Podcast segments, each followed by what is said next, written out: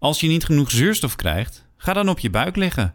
Hoe en waarom dat werkt, dat bespreken we in deze podcast. Ik ben Daniel Rommens, fijn dat je luistert.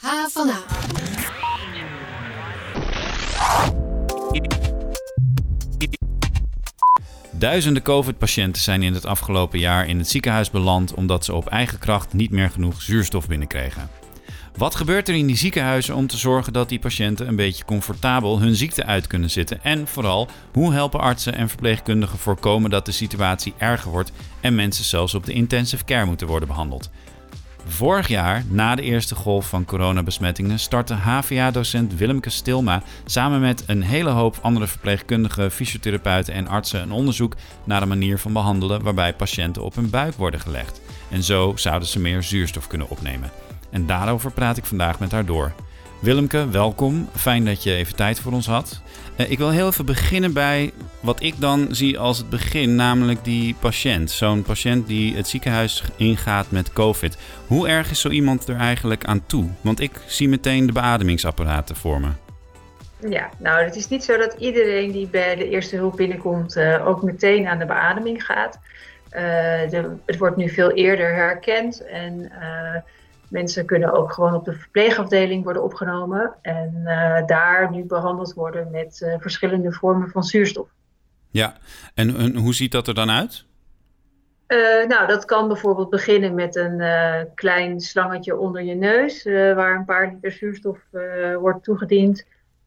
maar dat kan ook worden opgebouwd met meerdere liter zuurstof of misschien een soort, uh, ja, dat noem je dan een high flow nasal oxygen. Dus dan krijg je een iets groter buisje onder je neus waar nog meer zuurstof en een klein beetje druk wordt gegeven. Mm -hmm. uh, en ja, als uiteindelijk al die stappen niet werken, uh, dan kan, en uiteindelijk dus iemand toch, toch te weinig zuurstof opneemt, dan kan er worden overgegaan op non-invasieve beademing. Dus het is wel beademing, maar nog met een kapje. Ja. Uh, en daarna komt pas invasieve beademing. En dan gaat er echt een beademingsbuis door je keel. Ja. Uh, en wordt de beademing helemaal overgenomen. Door en die laatste twee, ja, door een machine. En die laatste twee stappen die uh, gebeuren over het algemeen op de intensive care. En die stappen daarvoor, een beetje afhankelijk van het ziekenhuis en welke middelen er beschikbaar zijn, die kunnen ook op de verpleegafdeling.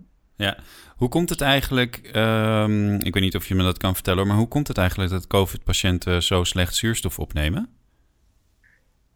Uh, ja, dat is een vorm van een ARDS-beeld. Het is wel een gek, wat er, uh, het is wel een gek beeld, omdat, het, omdat normaal als mensen slecht zuurstof opnemen, dan zie je dus klinisch dat mensen ook heel erg benauwd zijn. En wat zo raar was bij dit ziektebeeld, is dat mensen eigenlijk relatief nog uh, heel helder waren en ook nog wel een gesprek konden voeren, maar dat we dan de saturatie, zo noem je dat dan, gingen meten en dat die dan eigenlijk heel laag was. Hm. Die eigenlijk dus niet paste bij dat beeld uh, zoals we dat kenden. Um, en dat heeft te maken met uh, ja, in je longblaasjes.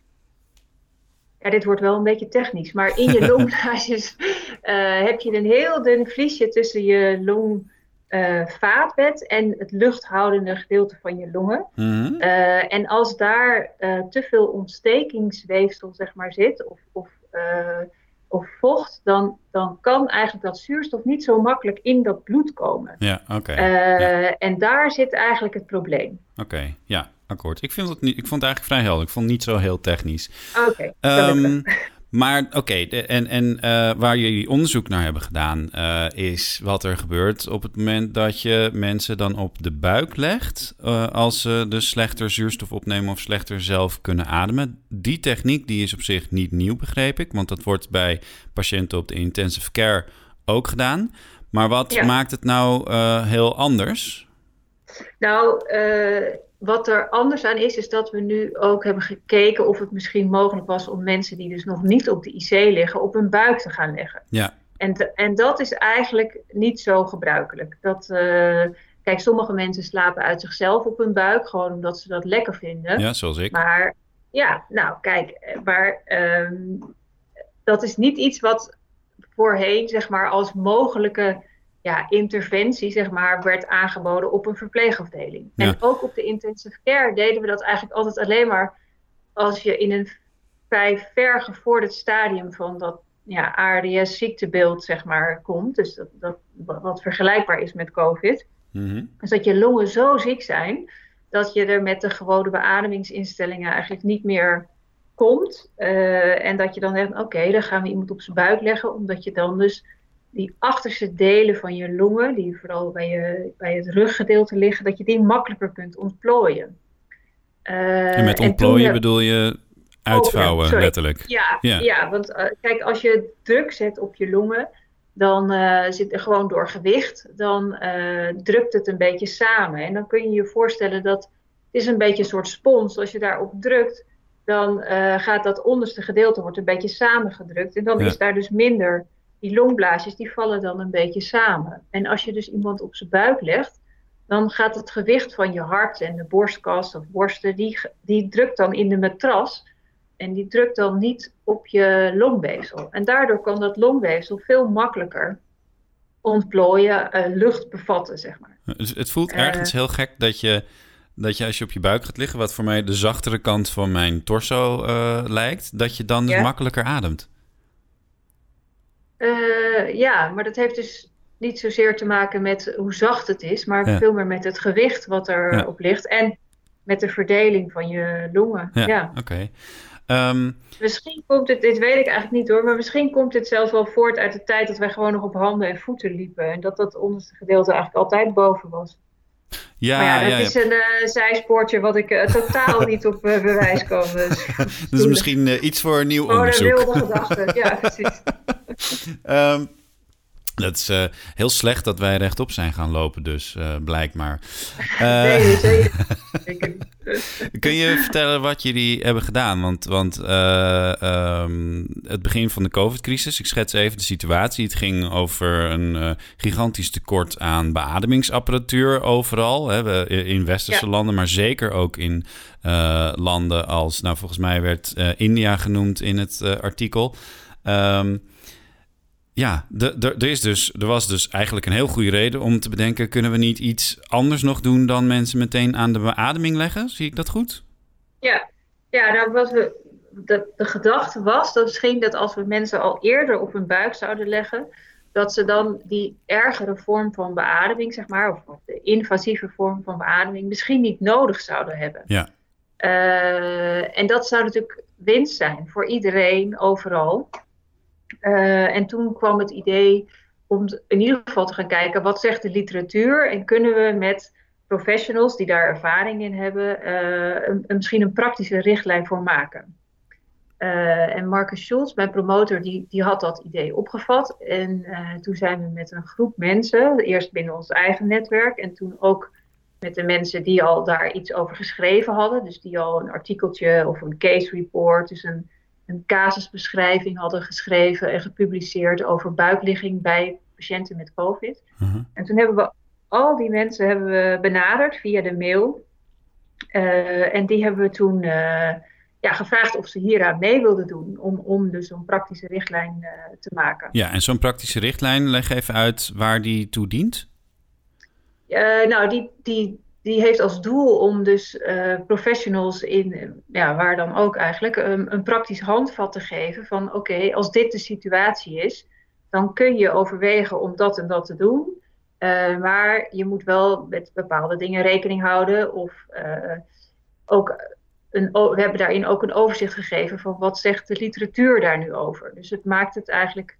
Kijk, er wordt heel veel gepubliceerd, maar dat, om daar dan vervolgens je weg in te vinden is best wel uh, een uitdaging. Ja. En dit is een, een klein deelaspect van de hele COVID-zorg. En we hebben geprobeerd om alle literatuur bij elkaar te brengen en ook de meningen van deskundigen uh, samen te voegen. Ja, dus je schrijft feitelijk een soort, nou ja, je zegt dan praktisch richtlijn, een soort handboek voor ja. wat, wat te doen bij COVID-patiënten in deze situatie. Ja, dus, maar dan alleen het stukje buikligging. Hè? Dus het wel of niet toepassen van buikligging. Dus... En als ik het dus goed begrijp, dan uh, kies je er soms misschien ook voor om mensen al veel eerder dan het strikt noodzakelijk zou zijn in die buikligging te leggen om te zorgen dat het niet erger wordt. Nou ja, dat was ons idee. Ja, ja. Dat, we, we, weten niet of dat ook echt uh, uiteindelijk bijvoorbeeld een intubatie kan voorkomen. Nee. dat is ook nog niet onderzocht, maar, maar soms is er gewoon geen alternatief. Nee, precies. Dus je weet, je weet niet of het werkt, maar je hebt in ieder geval een handleiding om te zorgen dat als je dat gaat doen, dat dat dan op een goede manier gebeurt. Precies. En nou, we weten wel dat het werkt in zoverre dat het wel je, je saturatie, dus een zuurstofopname, mhm. verbetert met ongeveer 3 tot 4 procent. Oké. Dus kijk, normaal als je helemaal gezond bent, dan zit je op ongeveer 99 tot 100 procent. Ja. Uh, en onder de 90 dan uh, wordt het al wel een beetje kritiek, omdat als je daar nog veel lager onder komt, dan, dan daal je heel snel in je saturatie. -huh. um, ja, dat heeft ook een beetje te maken. Ja, dat gaat eigenlijk te ver. Maar eh, nou, wat ik wel interessant vind daaraan om te weten en belangrijk is, is wat, wat, wat gebeurt er? Ik bedoel, ik kan me iets, er iets bij voorstellen, maar wat gebeurt er concreet als je dus te weinig zuurstof in je organen, in je spieren, je hele lichaam hebt? Nou, dan krijg je natuurlijk heel veel schade. Kijk, eh, een van de dingen die dan bijvoorbeeld kan ontstaan, is als mensen een te laag zuurstofgehalte hebben, dat je hart niet genoeg zuurstof heeft om te kunnen pompen. En dan krijgen mensen uiteindelijk een hartinfarct. Mm uh, als jij gaat uh, bewegen en je hebt te weinig zuurstof in je lichaam, dan uh, ga je dus over op, ja, dan, dat, zeg maar, om je energiebehoeften, die, om dat om te zetten, daar heb je zuurstof voor nodig. En als er dus niet genoeg zuurstof is, dan word je, ga je over, dat noem je dan anaerobe verbranding. Dus dan heb je een verbrandingscyclus die je gaat omzetten, die zonder zuurstof plaatsvindt. Maar daar komen heel veel zuren weer bij vrij. Uh, en dan verzuur je nog veel sneller. Dus dat, ja, dat wil je eigenlijk niet. Uh, dus je zeg maar, je eigen lichaam op, als het ware. Ja, ja dan, maar dan kom je gewoon heel snel in een cascade waar je je verzuurt. Ja. ja. Ehm, verpleegkundigen doen niet, tenminste klassiek uh, zie ik dat in ieder geval niet vaak onderzoek zoals dit. Dat, dat is een beetje aan, aan nou ja, de dokters voorbehouden, zeg ik maar even heel ouderwets. Um, hoe uniek is het dat jullie zo wijd verspreid over de hele wereld zo'n onderzoek hebben gedaan? Ja, uh, ik denk wel dat het. Nou, ik denk, ben vooral heel dankbaar dat we die kans hebben gekregen en uh, dat we dit hebben kunnen doen. Uh, het is inderdaad überhaupt voor verpleegkundigen niet heel gebruikelijk, of relatief gezien niet heel gebruikelijk om onderzoek te doen. Maar gelukkig zien we wel dat dat steeds meer gebeurt en uh, dat er ook steeds meer interesse in is om dat te doen. Ja. Uh, ja, dus ik hoop dat we op die manier verder kunnen bouwen en ja, dat steeds meer verpleegkundigen ook, ook hun eigen vakgebied gaan onderzoeken. Ja. op een wetenschappelijke manier. Ja, ja, ja precies. En dat, daar, daar wordt volgens mij wel ook bewust op gestuurd bij jullie, toch? Ja, nou ja, we, hebben natuurlijk binnen de HVA en de verpleegkundeopleiding zijn er meerdere mensen die wetenschappelijk onderzoek doen. Ja. Uh, en die ook gepromoveerd zijn. We hebben één collega die heeft ook dat leiderschapsprogramma gedaan, Jon van Rijn, om ja, verpleegkundigen ook meer ja, de vaardigheden te geven om op, op ja, hun eigen vak op die manier verder uit te dragen en vorm te geven. En wel met een goede reden natuurlijk, want, want uh, nou ja, ik, ik ben jammer genoeg de laatste jaren een aantal keer in ziekenhuizen geweest. En de verpleegkundigen zijn de mensen die je altijd ziet. En de doktoren zijn de mensen die je heel af en toe ziet. Dus uh, ik kan me goed voorstellen dat er ook een noodzaak is om die, de werkwijze die je als verpleegkundige uh, hebt, om die ook zelf vorm te geven op basis van het onderzoek dat er beschikbaar is. Ja, en ik denk ook, kijk, uh, we werken uiteindelijk allemaal aan kwaliteit voor de kwaliteit van zorg. En we, in iedereen, of je nou arts of fysiotherapeut of verpleegkundige bent, uiteindelijk willen we allemaal het beste voor die patiënt. Mm -hmm. uh, en het, maar het is natuurlijk wel zo dat, dat de artsen soms andere vragen hebben dan die wij als verpleegkundige hebben of dan die fysiotherapeuten hebben. Ja. En uh, ik denk dat het belangrijk is dat je uh, binnen je eigen beroepsdomein of je vakgebied ook je handelen onderzoekt. En hoe effectief is het nou? En ehm, ja. ja. moeten we dit nou eigenlijk wel doen? Er zijn ook heel veel handelingen die we doen, ja, omdat dat al heel lang zo wordt gedaan. Of, ja ja, misschien moeten we dat gewoon niet doen. Of Zit er ook een soort uh, emancipatiegedachte achter? Dat je eh, zeg maar, onafhankelijker van die artsen kunt opereren of mag opereren? Uh, nou ja, zo is het functiehuis natuurlijk niet vormgegeven. Hè? Maar ik, uh, ik bedoel, wij mogen wel binnen ons eigen domein natuurlijk wel. Dus dat, mhm. daar is het wel voor opgericht, denk ik, dat we veel meer ons eigen verpleegkundig domein dan verder kunnen ja, bepalen en, en vormgeven hoe we die zorg dan vormgeven. Ja. Ja. ja, precies. En dat je dus ook in, bij het maken van protocollen of bij, dat, bij, bij, bij, bij afdelingsgerichte handelingen, uh, dat je dan met elkaar, met artsen gaat bepalen van oké, maar zo gaan we het doen. Of ik heb net dit onderzocht. Of uh, nou, zo zijn er dat je dat kan inbrengen en dat je op die manier je meer ja, zeggenschap en eigen, eigenaarschap ook krijgt van je eigen vakgebied. Ja, ik wil heel even terug naar dat begin van het onderzoek. Uh, want je, je, je schreef op dat je op een gegeven moment een Google Docs hebt gemaakt, of in ieder geval een online document. En dat er vanuit de hele wereld allemaal mensen daar dingen in gingen invullen. Kun je, kun je een beetje omschrijven wat er gebeurde? Ja, tuurlijk. Ja. Ja, we waren natuurlijk net na de eerste golf in Nederland. Was dan in ieder geval net de eerste golf voorbij. En, uh, maar uh, we hadden toen een groep van uh, 43 mensen, auteurs uit, uit mijn hoofd, meen ik, 12 verschillende landen. Misschien was het iets meer nog zelfs. Um, over de hele wereld. En eh, we hadden die mensen in drie groepen ingedeeld. Dus de één groep moest gaan werken, of moest gaan zoeken naar wat, welk bewijs is er beschikbaar voor buikligging bij uh, COVID-patiënten. En de tweede groep die moest gaan kijken van nou, wat, hoe, hoe zou je dat dan praktisch doen? Waar moeten mensen op letten? wanneer zou je het absoluut niet doen? wat, wat zijn de specifieke aandachtspunten voor zwangeren? Hoe gaat het dan met eten en drinken als iemand op zijn buik ligt? Uh, en de derde groep die moest dan die adviezen die dan door groep 1 en 2 waren gemaakt, uh, samenvoegen en vertalen weer naar landen waar er ja, minder middelen tot de beschikking staan. Ja. En, um, en om, dat, om al die groepen een beetje te kunnen laten samenwerken, hadden we een Google Docs document gemaakt mm -hmm. als een link. En uh, daar hadden we die vragen die we beantwoord wilden zien, hadden we daar ingezet. En ik had daar nog nooit op die manier mee gewerkt, maar toen dacht ik op een gegeven moment van nou, ik ga eens even kijken. Ik had die link verstuurd en iedereen, ik wist dat mensen hem hadden. Ik dacht, ik ga nou eens kijken of er iets gebeurt. En uh, toen zag ik inderdaad allemaal naampjes, zag ik bewegen en uh, stukken, stukken tekst invoeren. En uh, ja, daar werd ik wel heel blij van. Want ik wist dat dat allemaal mensen waren die ja, ook uh, op, op welk tijdstip van de dag dan ook, maar voor of na hun, uh, hun diensten op de COVID-cohorten uh, zich toch ook inzetten om, om, om deze kennis te verzamelen en hun kennis te delen.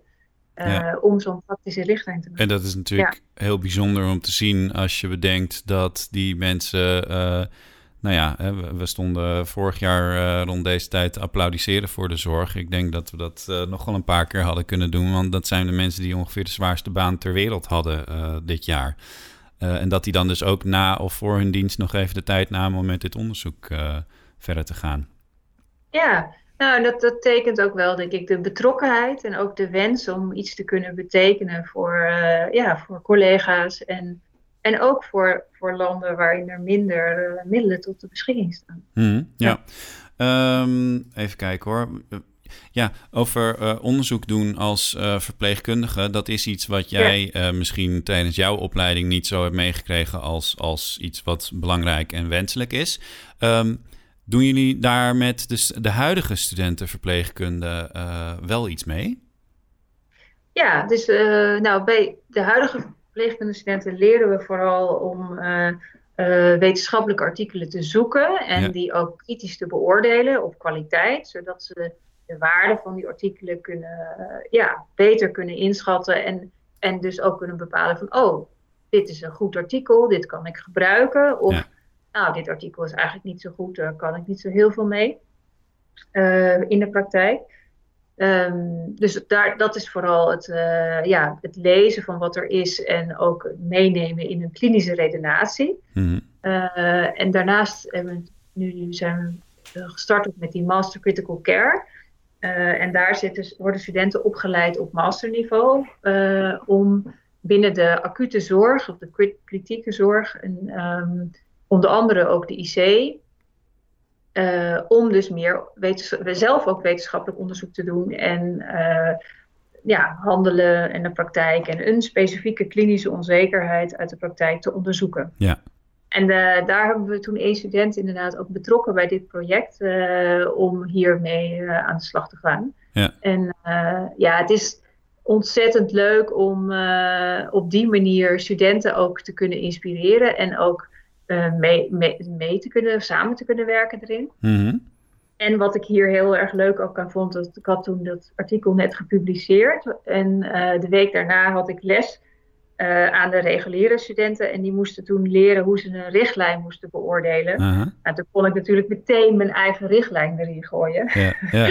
En, uh, en ook hun uitdagen om daar kritische vragen over te stellen. En, dat was... waren ze kritisch? Ja, ja, nou eerst was het natuurlijk wat uh, beleefdheidsverhaaltjes. maar vervolgens kwamen er ook wel kritische vragen. En dat vond ik ontzettend leuk. En, want dat is wat je wil. Dat ja, je want met wat schortte er aan jouw artikel dan?